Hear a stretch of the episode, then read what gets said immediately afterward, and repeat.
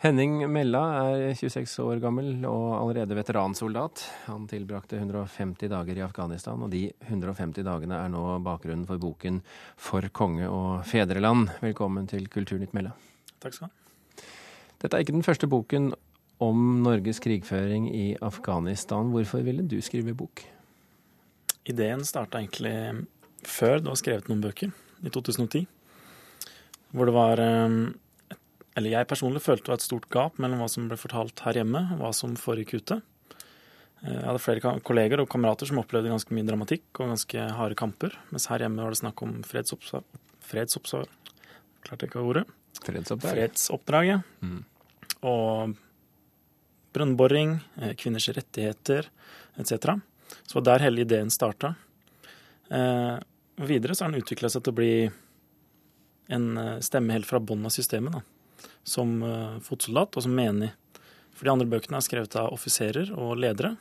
Og det setter da et annet fokus og en annen eh, refleksjon bak. Hva vil du si er forskjellen?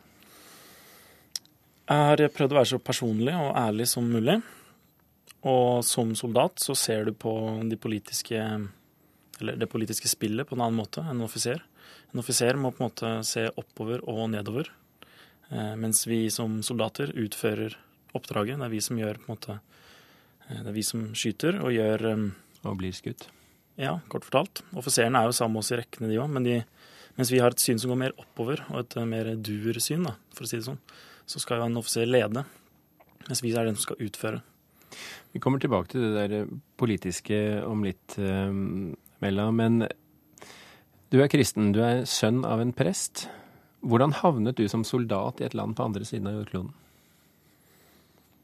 Det er også en lang historie, egentlig. Men eh, jeg har egentlig ikke et enkelt svar på det. Det er eh, kanskje en fascinasjon fra barndommen for Forsvaret.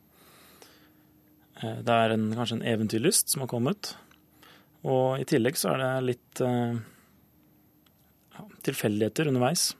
Verneplikten, ikke noe verneplikten. Da hadde jeg bare planen om å gjennomføre den, ikke noe mer. Trivdes veldig godt.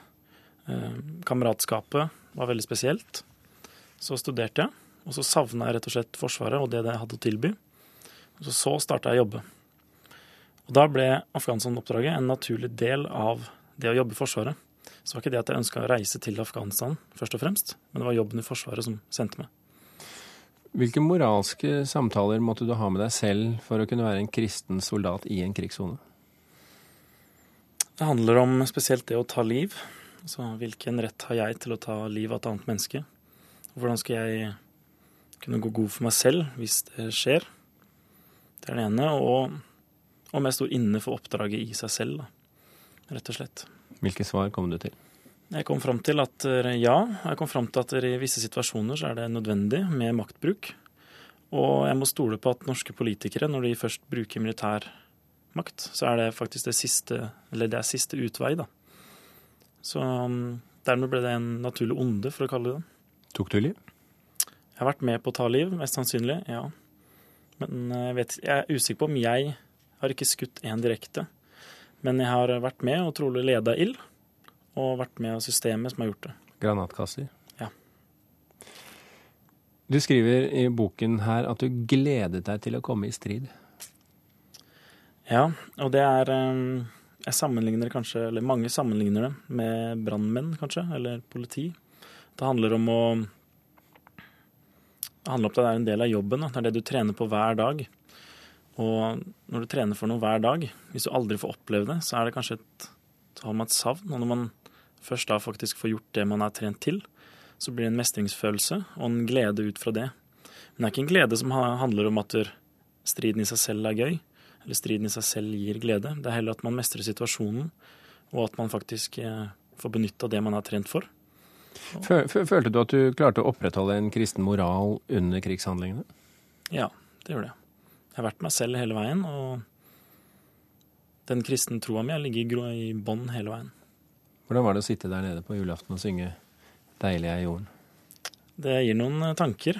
Det blir jo noen eh, nyanserte bilder, for å si det sånn. Man kan jo spørre seg hvor deilig er jorden egentlig. Hvilke svar kom du, fra, kom du fram til? Eh, Jeg kommer vel ikke noe fram til noe endelig svar. Det er vel heller at eh, Man finner eh, fine øyeblikk i alle situasjoner og prøver å ha et positivt syn, og ikke minst opprettholde håpet. At eh, håpet er det sterkeste vi har. Føler du i ettertid at du har kjempet for det gode? Jeg vil ikke definere hva som er godt og hva som er ondt i Afghanistan-konflikten.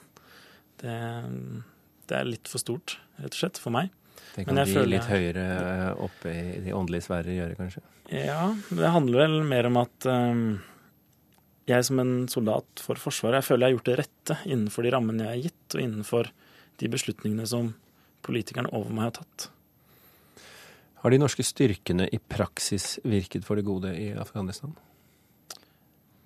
Da må du definere hva som er godt igjen. Det handler om um, I forhold til de, uh, den rollen de fikk uh, utlevert av politikerne? Der har du litt av problematikken med hele det norske bidraget, da, tenker jeg. Fordi hva er det egentlig bidraget norske politikere har sendt oss på? Eller hva er målsetningen? Målsettingen var å øke afghansk sikkerhet og bidra til en afghanisering av f.eks. Faryab provins. Og da er jo spørsmålet hva er det vi egentlig skulle? For det har aldri vært noen helt konkrete mål det å øke sikkerheten. Vi reiste rundt og prøvde å bidra til sikkerhet. Vi klarte det når vi var i en landsby, når vi sto der, men med en gang vi reiste vekk, så var det tilbake til det gamle. Jeg aner nå ikke om vi har bidratt til en langvarig sikkerhet. Vi har kanskje bidratt når vi var der i øyeblikket, men på lang sikt er jeg veldig usikker og er veldig skeptisk til mye av vi har gjort.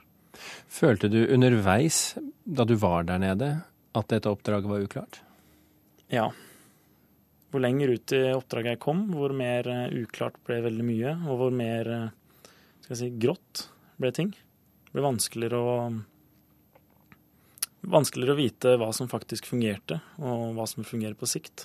Ting eh, snudde veldig fra dag til dag.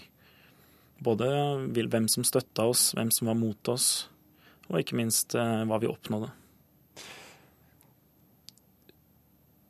Slik du ser det, hva skal til for å, for å bruke det uttrykket, vinne Afghanistan? Det er spørsmål om eh, skal afghanerne selv vinne det. Eh, skal de ha et demokrati, eller skal de gå tilbake til et dynastisk styre som de har hatt tidligere?